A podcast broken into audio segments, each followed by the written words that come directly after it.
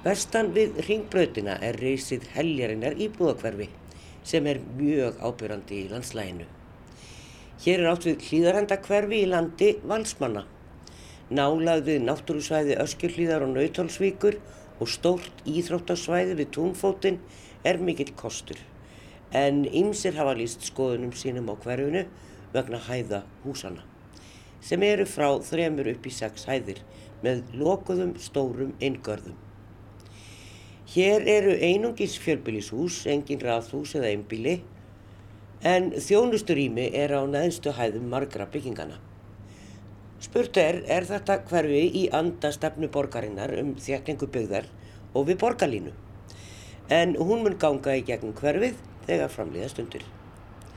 Við ræðum við Pavel Bartótsek, varaformann samgöngu og skipularsráðs Reykjavíkur, Ólaf Hjálmarsson, verkfræðing hjá Trivium sem hefur sérhaft sig í hljóðvist en byrjum með Kristjáni Áskersinni, arkitekt hjá Alark sem deiliskypulaði hverfið og hannaði einning nokkur húsana.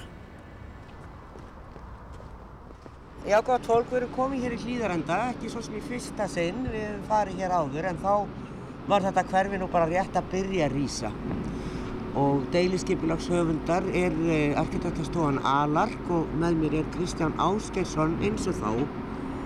Og eh, við erum hérna við fyrsta húsi sem var tilbúið fyrir nokkuð löngu síðan. En svo er hér aðal gatan sem við komum hérna aðeins lengri inn í hverfi.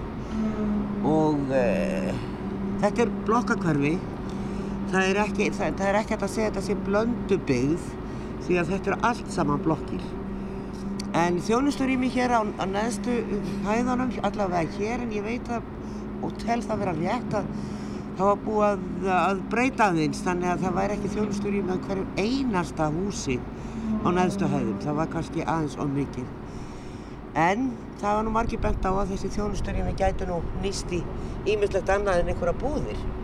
Eh, Kristján, sko þetta er svona smá saman að vísa og hér á mót okkur er hún svona kannski með læðri blokkunum myndi ég segja því hér vestar eru það ransi háar Já sko það skipulagið gengur út frá því að, að þessi, þetta er svo kallar reytað skipulag, reyta, þetta er reytabygg þar sem að, þar sem að lóðamörk, ystur lóðamörk hvers reyts fyrir sig eru alveg út af gangstjöftum. Þetta Já. er bara, þetta er svona borgargötu umhverfið, þetta er ekkert ólíkt því sem við þekkjum bara gamla 101 Reykjavík, laugavegu, hverfuskatta, frakkastíkur og allt þetta. Já. Þetta er, þetta er svolítið kerfi og, og hér er reiknað með því og gengið út frá því að hæðir húsana á hvernig reynd fyrir sig séu frá þremur til fimm hæðir. Og það verði að koma fram þessar þrjár hæðir, þryggja fjára fimm hæða á hverju einustu göduglið og það er nú reyndar þannig sem að ég held nú að menn hafi hérna, fengið samvitt á öllu svæðinu hinga til En, en það er kannski eitt reytur hérna sem sker sig úr hvað varðar hérna hæð. Það er þessi reytur hérna sem er í byggingu fyrir aftan. Eh, hann er svo kallega sérreitur.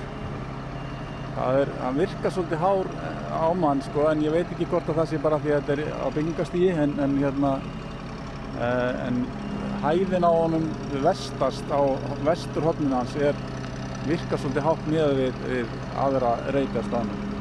Við skulum rætta aðeins þetta neyrundi. Þetta er sagt Arnar hlýð, er það ekki rétt hjá mér? Jú, þetta er Arnar hlýð sem er e, hins svo kallaði framlengdi snorrabrautar ás. Já. E, þetta er eins og kannski við nefndum síðastri vitnumst að, að, að þetta skipula okkar er byggt á, á grunni hugmyndasamkjörni e, skorsku arkitekturna Massi og félaga. Já. Og þar gerur þeir ráð fyrir því að svona reytakerfi myndi í rauninni teppar ekki alla vassmýrun alveg niður að Nautalsvík og, og stór partur af þeirra hugmynd var með þessi að, að snorrabreytin myndi koma hér niður uh, og alla leið niður að sjó.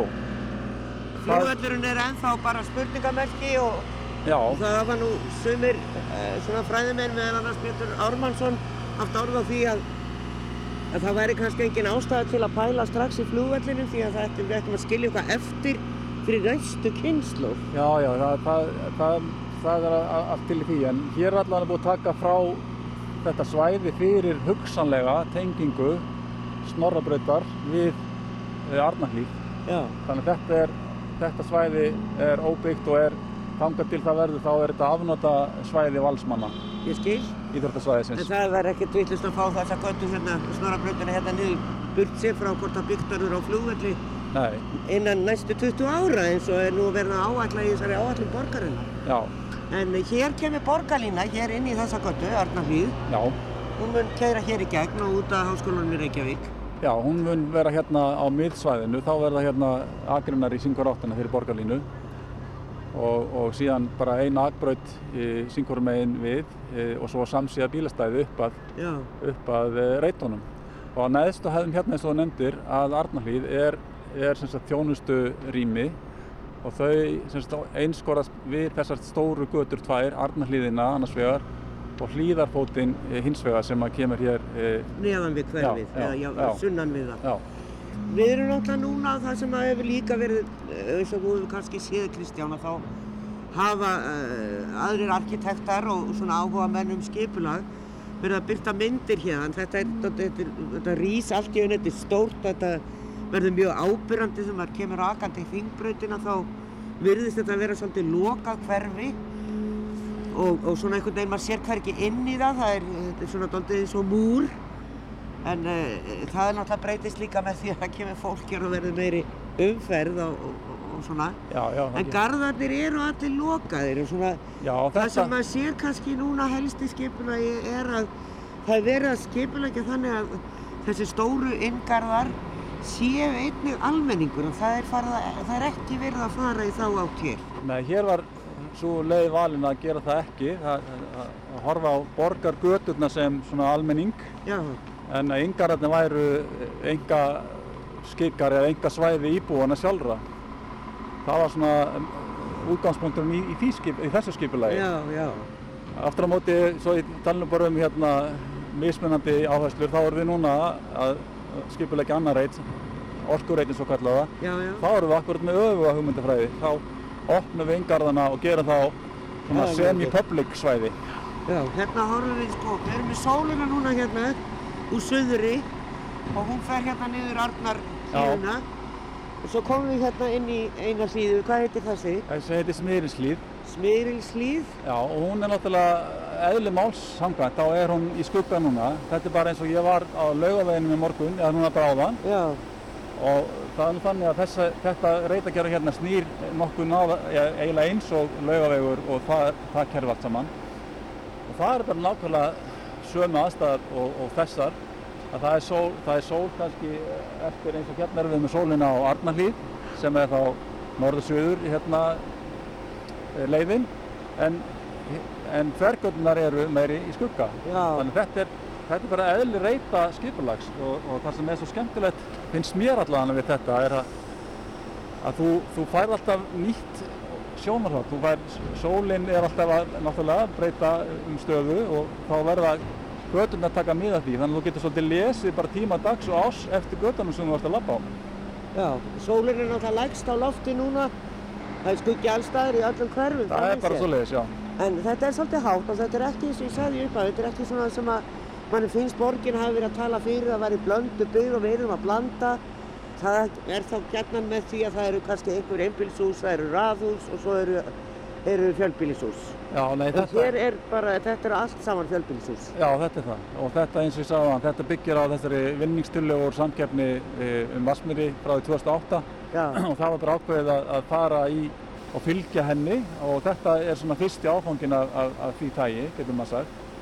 Og hérna eru, hérna samt, sko, þetta er ekki, þetta er ekki fimmhæða hús allt saman, þetta er alveg þryggja, fjár og fimmhæða, þannig að þetta er, þetta er að skipta um, um hæðir og þetta skiptir um karakter líka því að engin, enga tvær hlýðir með að vera eins á, á hver- hverjum einstakur reit, þannig að það er, það er svona til að reyna að skapa fjölbreytileika og, og búa til kannski einhverja mynd eins og maður þekkir frá gamla hverjum okkar, gamla borgarlutunum, það sem að og það má gerna segja að, við höfum verið að horfa til þess að menn geti jafnvel sagt að, að, að hér hefur verið hús sem verið byggð á mismunandi tíma. já, já. Já, svona ímynda sér það. Ég meina það, ég meina það. Akkurat. En, eh, já, já, það er, er, ég kom hérna um daginn og fór inn í, við erum svo langt frá núna og skýtkast, Já, en kom inn í einn garðina, þetta eru gríða stórir inngarðar. þeir eru stóri já, og þeim er, eh, þeim er lyft upp um halva hæð frá götu hérna plani. Já, e, þannig að það er kyrt að jafnaði niður halva hæð onni í bílakjallara Já. og svo ferðu upp halva hæð upp í yngarðana og það er líka liður í því að, að, að fanga sóluna betur en þú, þú liftir yngarðinum herra á móti sólinni. Ég skil. og svo líka náttúrulega til þess að, íbúðurnar á neðstu hæðum hafi svona meira prívasi gagvart götu umhverfinu.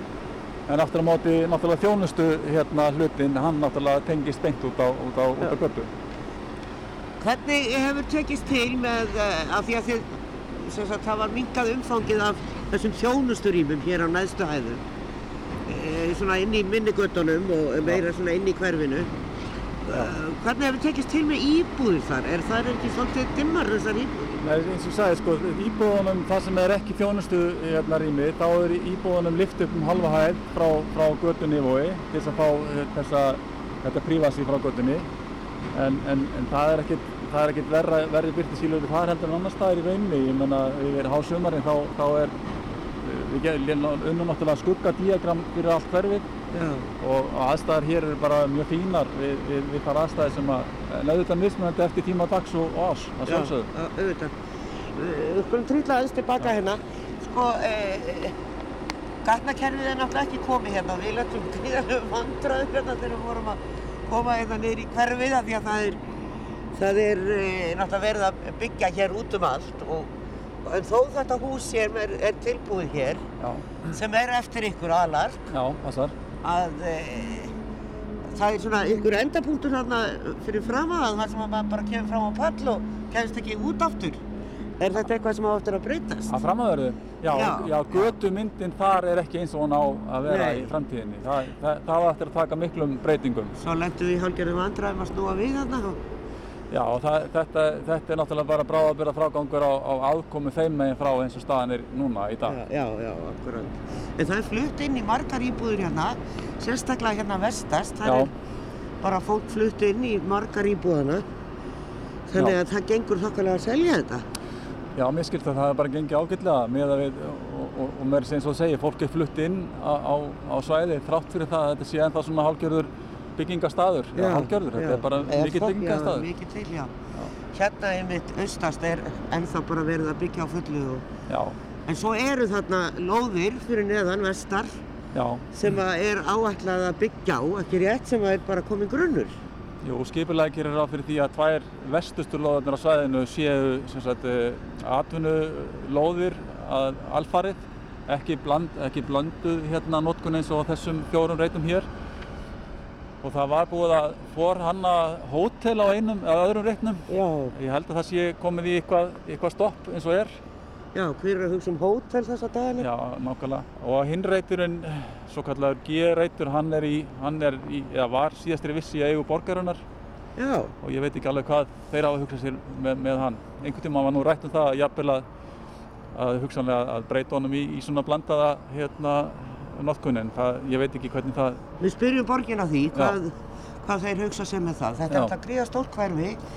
Hér eru íþrótta, náttúrulega mannvirki sem að er gott fyrir fólk með börn hér, það er stutt í val og valur græðir örgulega á því, fá alla þessa krakka og hérna, aðsendingin í borgarlandin er náttúrulega alveg einstök. Hérna eins og segir, Íþróttafélag og Öskjuhlíðin og Nauthólsvíkin, já, landsbítalinn, háskólanir báðir og, og bara hérna stutt í, í, í miðbæinn.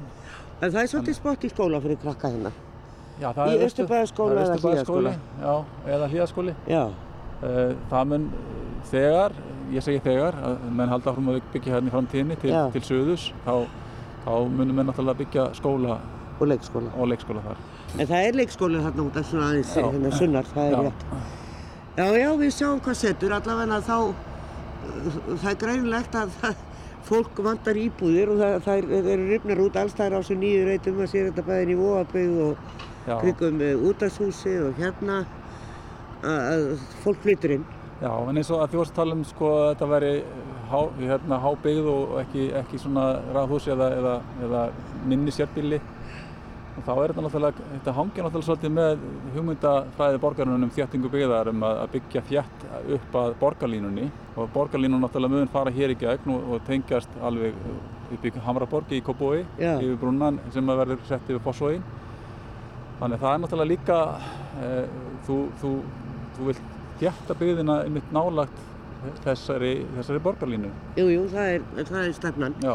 En við töluðum aðeins áðan um, um, um skuggavarp og allt það sem er reyndar mælt en í síðasta þætti talaði Ásta Lóðardóttir um að það þurft að mæla meira í sambandi við uppbyggingu að það þurft reynilega að mæla sko byrtu skilur þið inn í íbúðum. Já, ég, ég hef nú rætt við, við Ástu, eða ekki rætt við hennar, við hefum haft, haft samskipti um, um akkurat um þennar reyt og, og ég hef minni ágjur að þessu heldur en hún. Ég, ég hef ég deil ekki áhugjum hennar af þessum reyt sérstaklega og, og eins og ég var nefn á þann að, að hann endur speikla bara tíma dags og tíma ás e, sólinn nær allstaðar hérna inn. En á einhverjum tíma? Já, á mismöndi hátt, bara eins og annar staðar í þjættir byggð. Og, og besta dæmi um það er, er, er hérna þar sem ég var áðan lögavegur og hverjuskatta og baránstígur og vitastígur og, og þetta og ég líður allavega mjög vel að lafna þau hverfi og þær göttur. Ég ólsnu upp á Grettisgötunni og ég fór, gerði gegn Grettskuttunum gamlu göttuna mín á þann og hún er líka núna í, í skugga. Já við Kristján gengum hérna aðeins lengra inn í hverfið og komum hérna inn í yngar sem er nú ekki tilbúin en það er svona verið að byggja húsum hér í kring og eins og fram hefur komið þá eru þeir alveg lokaðir þeir eru reknað sem prívatrými fyrir íbúana. Og hér sjáum við þessa byggingar. Þær eru frá þremur og upp í fimm fimm hæðir. Og þetta er alltaf gríðarstórt, þetta er alveg rosalega mikið pláss. Já, þetta er, þetta er stór garður. Og, og eins og sér þá er þessi garður á, á tveimur stöllum eða tveimur hæðum. Það skýrist að því að, að þarna undir herri hérna, partinum þar eru bílastæði fyrir, fyrir bakrými atvinnuhúsins eða atvinnurýmisins uh, og þau ná hjartengingu nýra gangstétt og þar að leiðandi verður til þessi, þessi hæðamunur hérna. Já. Og svo er þetta mikið trappugangur þarna inn. Já, svo, svo eftir að hérna, þessi flái sem við sjáum hérna á, á hæðaskilunum, hann á eftir að, hérna, eftir að koma mikill jarvegur og gróður og, og, og eitthvað grænt og, og vænt og fallett sko. Já, það er þetta er takmarka kannski sem er hægt að setja niður þegar þetta er ón á bílakjallara. Já, það er, það er takmarka. Þess vegna hefur við líka farið þessa leið hér sem við erum að lappa hérna að opi sem er niður í bílgensluna. Það er opinn tengsl þar niður og hér gerum við ráð fyrir því að, að onni þessa grefju hér já, já. að hér muni, hér, hér verður að gróða þessu tré sem að muni ná hér alveg upp í yngarðin Já, já, með tíu tíma Já, já það, það er hægt að setja hérna niður stór tré og, og það er meiningin að gera það og þau komu upp um öll þessi gött sem sjáum hér á, á, inn í yngarðinum og þetta er Geta, þetta er ekkert ólíkt því sem að, hérna, við þekkjum frá bílastæðanum við borgarleikúsið Já, bakhús, já, já þeim megin, borgarleikus megin eða, já, já. Það sem við vaksaði mitt upp í á efri pall í hérna, bílastæðana. Betri hönnuðum bílastæðum í, í borginni. Það er mjög skemmtilegt. Já. Hérna er síðan ingangurinn inn í gardin er hérna fyrir aftan okkur. Hér, hér er þá tengingin niður á, niður á e, gangstillar e, eða borgarlandið hérna fyrir vestan. Akkurat. Og hérna eru svo mismunandi bara húsa ja, lausnir, hérna eru nokkra svalagangs hliðar, tvær og, og aftur á móti hínum einn eitthvað svipað. Og síðan eins og þú sagðir hér eru við að vinna með þessa stöllum 34-5 hæða húsæningar ja. og svo eru þakkarðar upp á, upp á þökum fyrir þá, það, sem að, það sem það er hægt Já, það þýðir að það er græs á þakkinu, ekki það? Já, það er græs á öllum þökum. Og, já, en, en það er ekki nýtanlega í gardar? Fyrir, já, það er enga gardar, sem sagt. Já, já, fyrir suma? Já. Já, já, já. já. Það fylgir sem sagt sumum íbúðum, þá eru bara prívat þakkardar. Já, já, akkurat. Á þessum lagri hérna eins og til dæmis hér. Já, og það sem að... Þryggja hæða. Já, þryggja og, og, og fjagra hæða, þar, þar eru, þar eru gardar, sem sagt.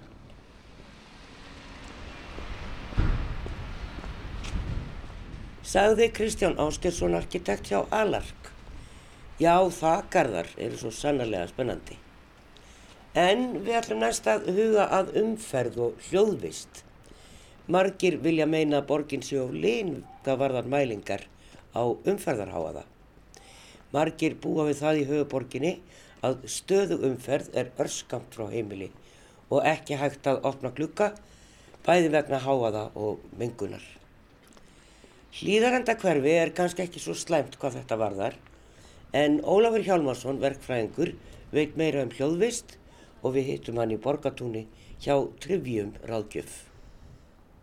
Já, það hugsa margir um eh, hljóðvistina þegar uh, þeir eru að skoða sér húsnæði og hvar liggur nú húsið og hvar er blokkinn og sjálf býja nú við það að búa við kringlumirabröðina og veit alveg hvernig það er að búa í stöður umferð. Og nú erum við að byggja fjöldan allan að hverfum, hinga og þanga og þjætta byggðina og uh, sérstaklega við borgarlínu, það þýðir það að strætó er alltaf að fara fram hjá ef þú býrð alveg næst línunni en, en það er náttúrulega, gerir alls ekki allir. Mm. og strætisvagnar halda svo sem aðfram að ganga út í hverfin en umferðin er, eins og við vitum, hún er náttúrulega bara gífurleg hér e, sem stendur og það er svona þjettingin en nú svona hluti af því er að reyna að minga þessa bílaumferð. Ólafur Hjálmarsson er e, verkvæðingur og sérhæði sig í hljóðvist, getur við sagt og byggingaverkfræðingur og þú er svona, þetta er mál sem að brennur svolítið á þér. Þessi, við sitjum hérna í borgatúnnu á, á, á vinnustofu þinni og, og, og hér er það ekki gríðarlega umferð alla daga en kannski ekki á kvöldin. Hér er bara þakna kvöldin eða hvað, hvernig er það? Já sko við njótuðum þess hérna í borgatúninu að við erum ekki alveg onni í sæðbröðinni. Það er öðruvís aðstæður alveg við sæðbröðina og ég kom úr framhansnámi 1989 frá Danmörku. Og þá voru nokkið margir sem töluðum um hljóð eða háað vandamál á Íslandi. Þannig að ég fór að hanna brýru háspunni möstur sem var bara gaman. En síðan fór ég til Berlínar 1960-2001 og sér hafði mig meira í hljóðverkfræði. Og allar götu síðan þá hef ég einbett mér að hljóðinu og er búin að hafa verulegar áhyggjur af því að við erum að byggja íbúðarhúsnæði of, nýtt íbúðarhúsnæði of nærri stofbrötum umferðar og þetta er verulegt líðheilsumál. Uh, það hérna, eins og kannski kom fram í fyrri þætti að þá skrifaði grein í kjarnan með Ástur Lóadóttur og Lárus Sigvumundsinni sem heitir Þjettingbyggðar, líðheilsa og lífsgæði. Það sem við erum að vara við þessari hættu að vera að setja íbúðarhúsnaði, nýtt íbúðarhúsnaði algjörlóni stofbröytur umferðir. Já. Og þetta er náttúrulega þegar þú ert að þjætta, þá er þetta bara eitthvað vandamál. Hvernig, hvernig myndur þú leysa það? af því að við erum að byggja við þessa götur sem þegar eru þarna, það er, eru innviðir. Já, sko, ég var í skipularsnefndi í Kópavói í tvö ár og mín skoðun er svo að við eigum ekki að hleypa fjármagni að skipularsmálum fyrir að ákveða deilisskipulag. Það sem er náttúrulega miklu hagstaðara fyrir líðhelsu og lífsgæði er að skipulegja skrifstofubyggingar eða atvinnhúsnaði næst á brötunum og svo íbúðabiðina heldur fjær þar sem háfaðinni minni. Já og það er, við erum að lenda hvað eftir annaði því að við erum að fá erfið verkefni inn á okkar borð það er að tryggja almennilega hljóðvist í húsum, íbúðarhúsum sem er búin að staðsetja og nálagt stofnaðum umferðar. Já, við, nú erum við að fjalla í aðröndinu um þetta hlýðarenda hverfi sem er gríðastórt, þetta er eitthvað um 800 íbúður þegar allt er, allt er komið. Mm -hmm. Þegar er flutt þetta fólk einn. Þetta er náttúrulega eins og staðinu núna er þetta tölvöld langt frá ringbröðinni. Mm. En það er náttúrulega komið þarna hlýðar fótur sem er vegur þarna neða við hverfið mm og þarna á borgarlínu eftir að fara í gegn, við erum með alla þessa gríðalegu umferð, alla jafna frá háskólanum í Reykjavík. Staðsetting þessa hverfis, er hún of nálagt? Sko, stór hluti af fljóðallarsvæðinu er til dælu vel staðsettur. Það er þarna stopnað í gegn það sem borgarlínan á að fara.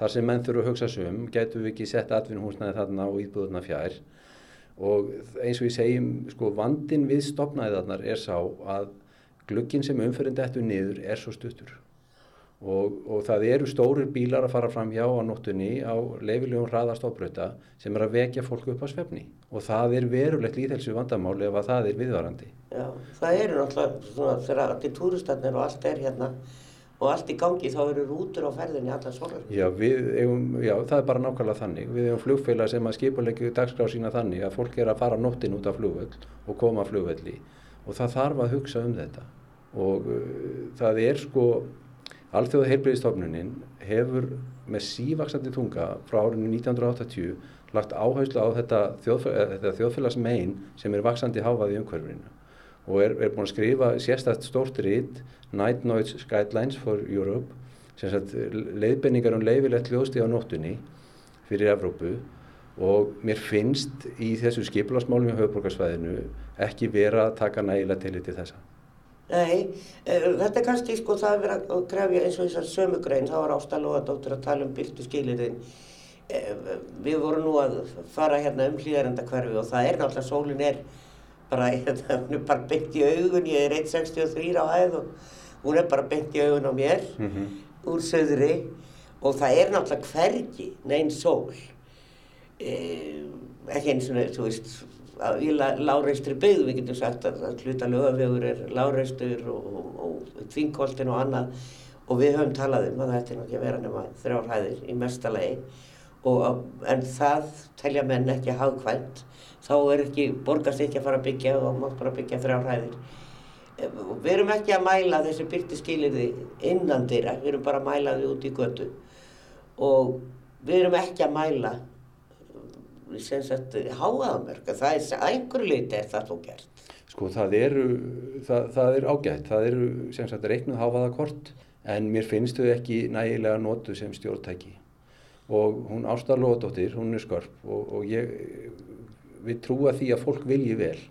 Þarna er bara ákveðin eh, miskýlingur á ferðinni þeir sem eru í skipulagsmálum líta svo á að byggingareglum ger tryggi þessi gæði sem, um, sem aðalskipulag hveður áum það gerir það ekki, hvorki í hljóði nýja byrtu og það er vandin.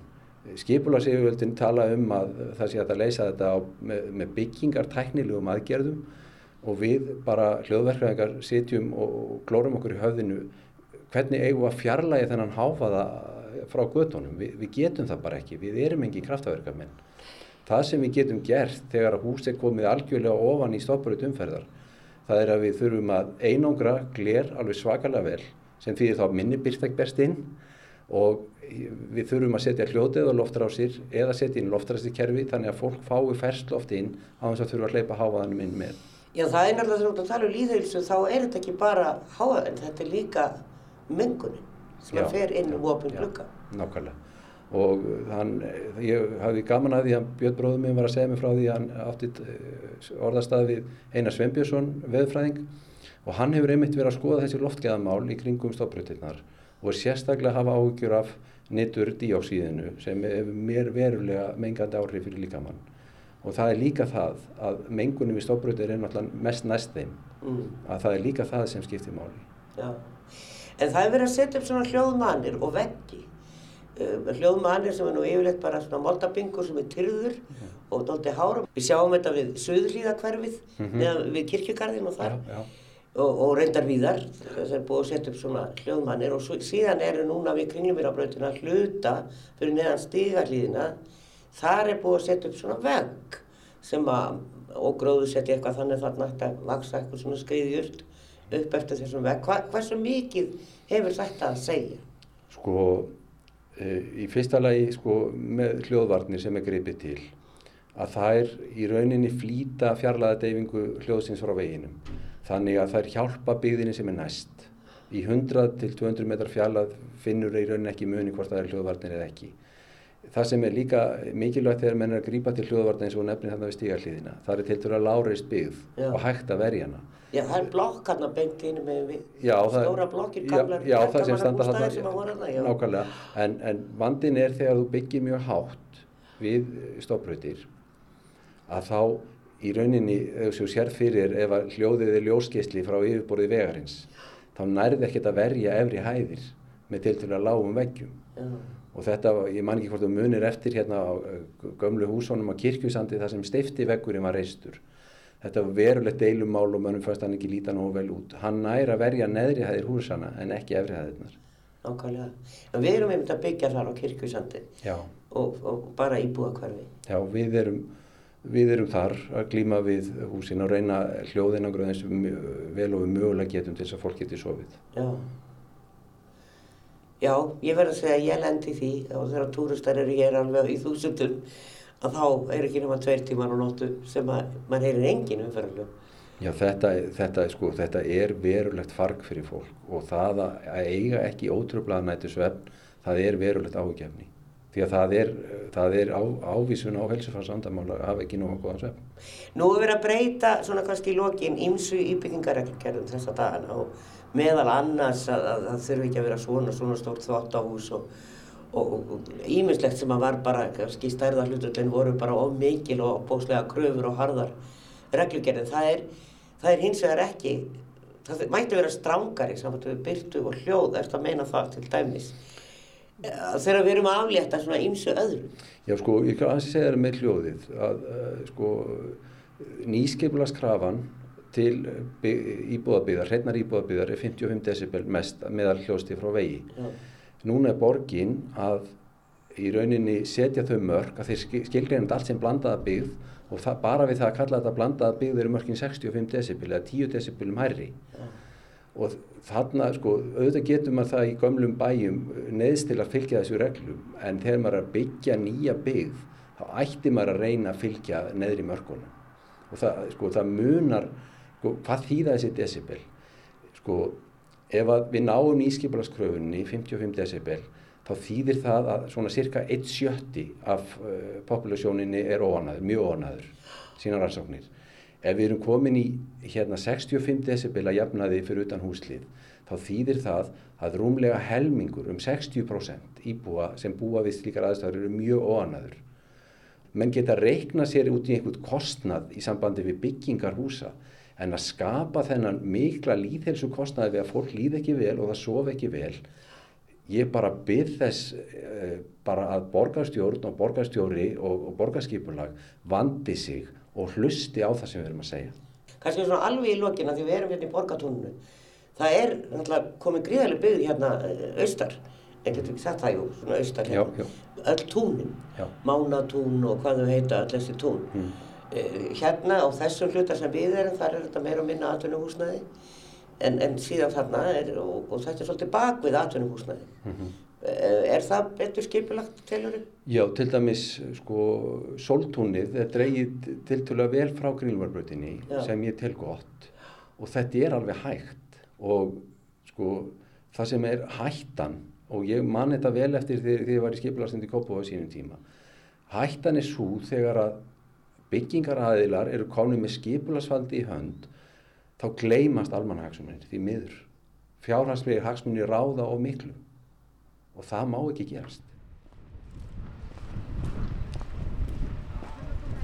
Sagði Ólafur Hjálmarsson verkfræðingur og sérfræðingur í hljóðvist.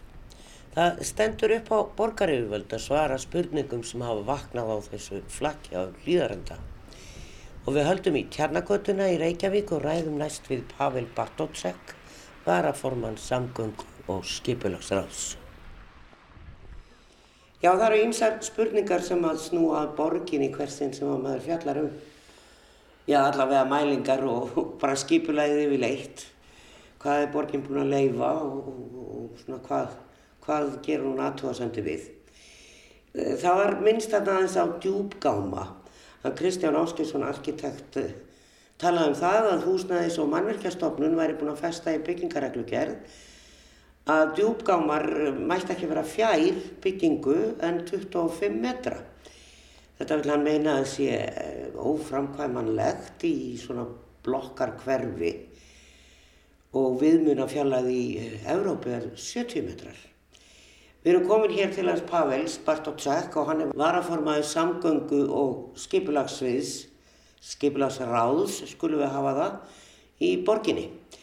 Og eh, já, ég veit ekki, hann myndist nú líka á að þið væri búin að gera einhverju aðtóðasendur við þetta hjá mannverkjastofnun. En, en hvernig er það? Hefur þið svör við þessu? Ég, ég, ég játa að þú ert svona aðeins að bóra þarna að djúft í hérna mína þekkingu og Já. ég mann ekki rökin á bakvið þau að, að, að mannverkjastofn ákvað að setja þessa við maður lengt, lengt. Ég hef svona almennt sjálfur verið svona freka maður sveilengas í þessu þannig að ég ímynda mér að þarna hafi menn hugsað einhvers konar veður ástæðir eins og gætan er þegar menn tiltaka einhverja reglur á Íslandi að, að menn hugsa sér að það geti verið langt fyrir íbúa að ganga þessa leiðir en það er alveg rétt að þetta skapar, getur skapað smá vangaði hönnun vegna þess að það þarf líka sem vera góð aðkoma að þessu og þá þurfa bílarnar að koma nálagt. Eitt dæmi til dæmis er að maður gæti ímynda sér að kannski bakgarðar væri hefðbúrið staðið fyrir auðvitað svona djúka og þá er það erfitt að, að, að sækja Já. efnið í þá. Þannig að ég svona, þú þekkir ekki nákvæmlega stöðu sem mál en ég væri alltaf að rífina við að maður myndu leita leiða til þess að svona gera þetta svegilega hafkamara. Já, þetta er í hlýðarendakverfi, er þetta út við göturnar af því að gardarnir er allir lokaði. Þetta eru einn garðar sem eru ætlaðir bara í búum, þetta er ekki almenningur. Ég gerir fyrir að sé hægt að koma með bílarnir, þeir hafa náttúrulega þurft að koma með steipu já, já. eftir að það er lokuð fyrirningunum. Það eru fjórir undirgangar á hverjum einasta byggingareit en, en þeir eru kannski ekki nógu hái þessir undirgangar fyrir svona bílar. Já þó, og þó svo ég sagði þetta reyndar þá reyndar veit ég hvort að gæði yngarðanum myndi per se batna við það að það væru sorgbílar að keira svo við setjum líka, líka, líka það spinn á þá en Ég er þetta, mér finnst garðarnir almenningur og ekki, það er innagengt inn í þá, þeir eru ekkert aflæstir. Man getur gengið þá frá, frá göttunum og, og ég hef komið í þessa garða og, og komið til íbúa sem búðar og minnst þeir per segja bara nokkuð vel hefnaðir. Síðan er annað sem að borgin hefur gert að talað um og Dagur Ekkertsson þegar ég rætti við hann um daginn að þá uh, laði hann áherslu á blandaða byggð mm -hmm. og í mínum ögum er einhvern veginn blöndu byggð þá er það fjölbílishús, raðhús og jafnvel ennbíli. Þannig að það sé svona mísjafna byggingar, sé ekki allt stóra blokkir. Þetta er, þetta er algjörlega blokkar hverfi og sumar eru ekkert mjög háar, ein og ein, en þær eru yfirlegt alveg upp í 5 og 6 aðeins, þessar blokkir. Oftast er það þegar við tölum um blanda byggð allavega eins og ég skilu húttaki, þá erum við að tala um blöndun annars var íbúhúsnæðis og hins var þá veislunar atvinnuhúsnæði hins vegar e, það er það sem er átt við það er að segja hverfi sem væri einungis íbúakverfi en væri þá með raðhúsum eða einbrúsum eða fjölbjúsum ég myndi ekki telja sem það vera sérstaklega blanda byggð og það er eitthvað þannig að í Reykjavík þá höfum við lang stæsti fjöldi íbúið í Reykjavík er í fjölbjúðusúsum og hefur lengi verið það hefur einhver leiti verið okkar sérstak þegar við erum þarna með íbúðir og plás fyrir eh, verslunarregstur og svo með stort ístóltasvæði. Það er náttúrulega valsheimilið, það er náttúrulega mikil kostur þarna. Þetta er bara íbúðina, já. Fyrir íbúðina þeir sem búa þarna. Og valur er heppin að fá alla þessa krakka, það verða margir sem búa þetta eru margar íbúður, þetta er nokkuð stórt hverfi. En það er þarna einn reytur á, á svæðinu sem er í eigu borgarinnar. Um skilst og hann er þarna alveg vestast, það er ekki, það er bara búið að gera svona hálfan grunn. Hann er varlega komin, maður sá að það voru bílar lögðu þarna í þessum, mm -hmm. þessari hólu Það verður ekki til lengdar. Nei, hvað, hvað stendur til að borginn geri á þessum reynd? Það er ekki en þá ákveðið hvað Nei. verður, það er væntar að þá rýmill að vera með einhvers konar þjónustuðar á viðum borgarnar, hvort það sé skólahúsna eða eitthvað annað eða bara eitthvað annað eða kemur ljósa að, að það er ekki ástæðið þess en ég vil ekki allavega gefa ákvörðun um þenn reynd líkur ekki en þá fyrir og þá held ég að við þurfum bara að hafa þannig í bylli. Þannig að sko til lengdar þegar við horfum fram á eins og ég allavega gerir að, að Vasmjörnsvæði hérna allt byggist upp þá er klátt að það þurfa að vera skóli einhvers þar á þessu svæði en það er spurning hvort að hlýðarænta hverfið eitt og sér e, þurfið til dæmis á, á borgarinn skóla að halda og það er ekkit víst að tölurnar séu í þá veru. Við erum svona aðeins að, að horfa á skipulega skóla í svona, þessum austurlita í hilsinni. Hlýðaskóli getur eftir sem við veist enda tekið við nefnundum. Við erum síðan með bataskóla hjaldastefnunar sem er í hústöðuna í hlýðarfæti en það þarf að finna einhverja varari lausnir á, á, á þeirra uh, húsnæðismálum því að það verður líka byggt eitthvað annað þar og, og svo hérna Svo eru svona ímsast hugmyndir um, um, um sko, borginni eftir festkaup á gamla vörðurskólanum sem er nýri bæ og það getur þá hugsalega skapað rými fyrir einhvers konar unglíðastig eða, eða, eða miða unglíðastig og þá, þá verður til plás í hérna, öðrum skólum í, í hverjunum. Þannig að það er ekkit víst að alltaf á þessari stundu sé, sé þörf á að setja niður borgarregin skóla en, en spurning hvort að, að hérna, lóðum verður nýtt undir það eða geimt eða nýtt eitthvað annað.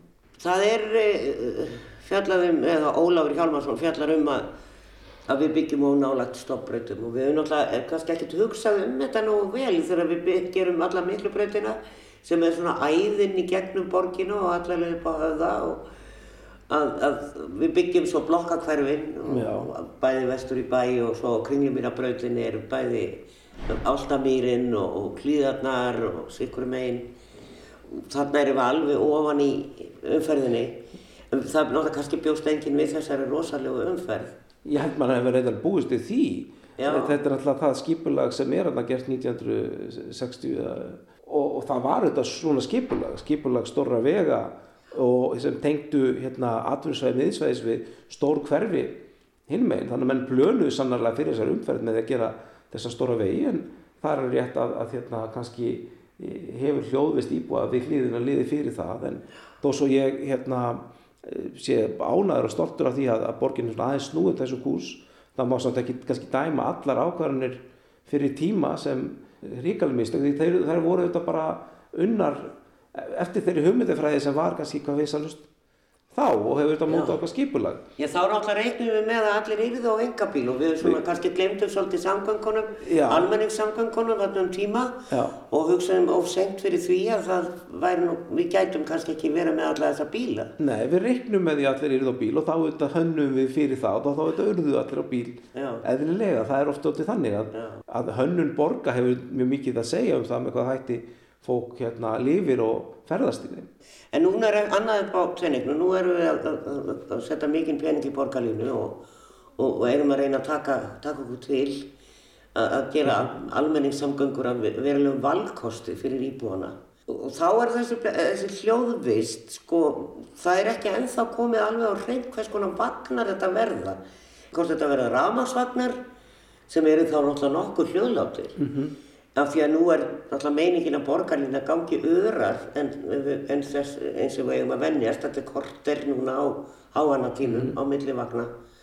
Er búið að taka ákvörðun um hvers konar vagnar verða á ferðinni á borgarlínu? Nei, það er ekki búið að taka ákvörðun um orkugjafa. Það er, við erum með, nú, nú man ég ekki nákvæmlega hvernig í tímverðskjönd það er, en það er nú um, vantarlega að fara að koma að því einhvern tíma næstu missurum. Það hefur verið sett upp nokkuð e, nákvæmt tímaplan um hvað gerist hvenar og það sem við erum að vinna í núna akkur þessar stundu er nákvæmlega lega borgarlinnar í gegnum einstaka svæðið og getum vonandi byrta einan næstu svona vikum eða mánuðum.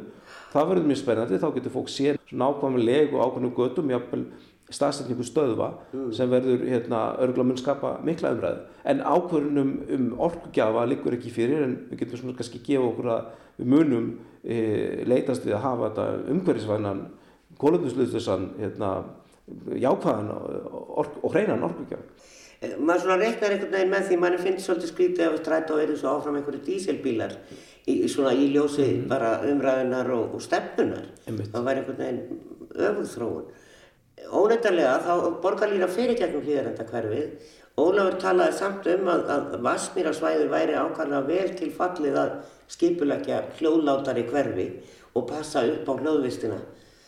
Þó svo hann væri enga veginn mjög ánæði með hvernig borginn stæði í þeim málum og þurfti að taka sig á í mælingum varðandi decibelin og, og, og hann nefndi nú tölur sem við getum ekki haft alveg eftir hér 55 decibel eða 65 mm. decibel þetta væri gríðalögum munur. Já, eins og hérna, eh, allir hlustundur vita þá náttúrulega decibelakvarðin er veldiskvarði sko, þannig að það er, það er mikið stökk um nokkuð decibel, það er ekki eins og, hérna, eins og kíló, það er svona eins og eins og þetta er eins og jarðskaptarskaptar sko. þannig að það, það, það er dálítið þannig en nú er náttúrulega alltaf erfitt að deila við sérfræðingar sem haldaði fram að maður ger eitthvað ekki nógu vel en maður hefur tekið þetta eftir í verðandi skipurlægi að skýslur um hljóðvist eru nokkuð fyrirferðarmiklar sérstaklega það fyrir skipurlökjum starri reyti. Auðvitað þannig að, að e, deilis, minnihátt að deilisskipularsbreyting sem var þar eitt og eitt hús uh, hún fer ekki, gegn, ekki gegnum eitthvað svona hljóðvistar mat nema sé sérstaklega óskað eftir því en þegar við skipurlökjum nýja reyti í hól hverfi þá er mjög gjarnan að þetta sé haft með og er þetta eitt af þessum segjum það bara kvöðum sem eru lagðir á uh, verktaka eða þá sem ekki nýja byggð að sjá til með hvað hætti hljóðvistur háttað og þurfa þá í einhverjum tilfellum að bregðast við með einhverjum þá mótveis aðgerðurum annarkort með hannunubygginga eða efnisvalið utan á. Svo, svo hafa verið settar upp þessar hljóðmanir hér og þar, Já. Bæði í sagt, tyrðar og, og það er ansið við það og síðan líka svona veggir. Um, er borgin eitthvað að taka í gegn kannski þessi eldri hverfa því myndist á þau að, að setja upp hljóðmannir þar sem að umferðin er svona mikil, nú til dæmis á miklubrautinni sem að er svo framtíða pæling að setja í stokk sem að eh, verður nú örgulega mjög flókin framkvæmt svona innmynda ég mér og mikla framkvæmdir og hvað og þá gera við umferðin á meðan. Hvernig sjáu þið þetta? Hljóðmannir eða, eða fara í þessa framkvæmdi fljóðlega að setja mikrobötun í stokk? Sko það eru, gerðum fyrir nokkrum árum aðgerða áluðu sem muni eftir varðandi setningu hljóðmann á hljóðveggja.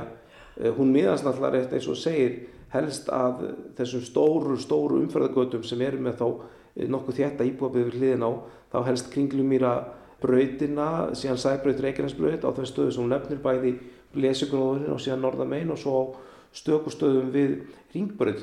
Ég átta þetta að, að sko til lengdar þá finnst mér ekki mest aðlandi borgarumgæður að hafa gríðala stóra götu, veggir og manir sittkor með við hann og síðan einhverja blokkir lengri burtu. E, þannig erum við ekki að hanna hlutin í dag e, en, en við verum þá frekar reyna líta til þess að hafa þá þetta borgarbyggð með kannski minni og hægar umferð sem fer í gegnum sem þarnast ekki að mikill aðeins mótvæðisaðgerða vegna þess að ef umverðin minni, ef hún er hægari, ef að bílarnir er ekki tungaflutningabílar þá er e, minni háveð af því leiður. En ég held reyndar að fyrst er nefnum stokkin allavega hann að norðan á, á, á sæbrutinni, norðan við stórgatamótin, þá held ég að hann geti verið ágættis lausn allavega fyrir eh, hljóðvist og þá skapa þetta miklu meiri ró á yfirborðinu og bútir betur umhverfi. Þannig að ég held að þetta sé alveg eitthvað sem, sem er allavega svona betri langtíma lausn heldur en veggir og, og mannir. En e, það er nú á planu líka, ég myndi að setja þarna hlut af sæbrutinni þar sem að borgarlílan kemur yfir og fer yfir á nýja brú og eitthvað annað er það ekki líka bara nöðsynlegt í þeirri höfnunni. Það væri ekki hægt að láta borgarlínu krossa þessa umferð á sæbröndinni.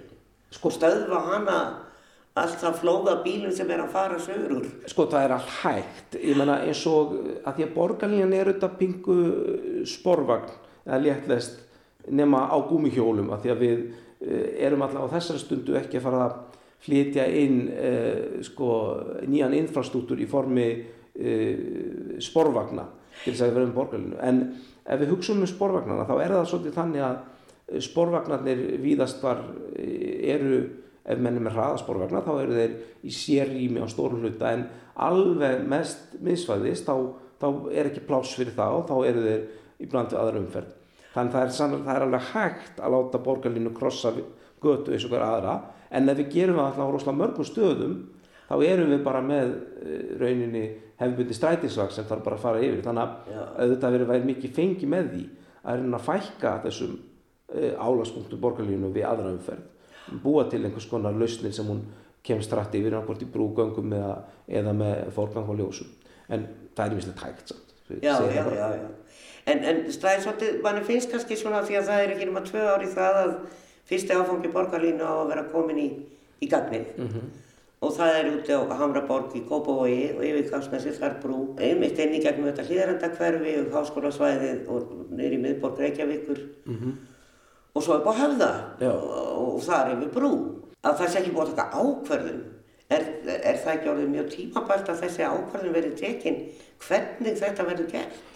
Jú, ég, það er þannig eins og ég segi og að, að, að fyrsti áfangi þessar nú hönnunarskíslu borgarlínu það sem er farið nákvæmlega í það með hvaða hætti borgarlínan liggur í gegnum einstakka hverfi en uh, hann er á leiðinni og verður uh, svona kominu vonandi sitt góður megin við áramót af því að það, er, það þarf náttúrulega ráðast í mjög mikla deiliskyflaðsvinnu í kjálfarið og, og í einhver tilfellum náttúrulega viðræðu fólk uh, sem eru loðahafar á auðvitað svæðum og þannig að það getur alveg reynst hérna, það er rétt að það þarf að drífa í því en, en það er verið að vinna á fulli í því hjá verkefnastóðborgarlinu og, og ég vonast þess að almenningu geti séð svona nýðustöður, fyrstu nýðustöður þar að vinna á allra næstu dögum eða mánu. Hann Ólafur svona í lokin, Pavel, hann e, vil meina að borginni að gera meiri kröfur um alla mælingar og, og, og e, að fjáraslegir hagsmunni ráði hreinlega of miklu Þetta hefur náttúrulega verið viðvarandi. Ég spurði Dabi Eggertsson um hann hér í, í þætti fyrir skömmu um, um hvort að ástunarkrafan væri of há hér á Íslanda og meðan við aðra hjá verktökum og uh, hann vildi nú meina að það væri svo að hún væri herri hér en kannski á meðan við Norðurlöndin. Já, hvað segir um það? þú, þú varpar þessu nú á hérna, gamla góða kapitalistan að spurja hvort að fjárhagslegar hagsmunir á miklu.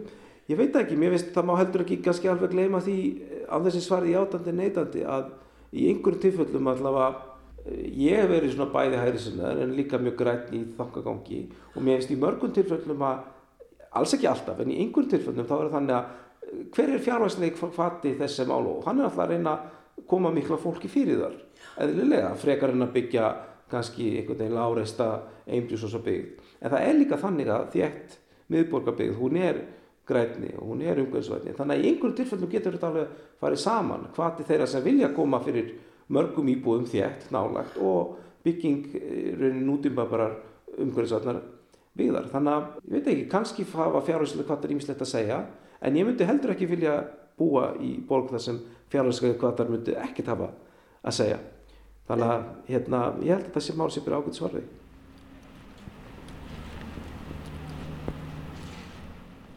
Sagði Pavel Bartótsek, borgarfulltrúi og varaformaður samgöngu og skipulagsráðs. Menn eru sjálfsagt enga veginn sammála um hversu mikið á að mæla, hljóðvist og byrtu og allt sem við kemur einu nýju hverfi og heldur ekki sammála um hvort verktakar ráði og miklu varðandi byggingamagn hverfana. En við látum staðar numið hér. Verði sæl að sinni.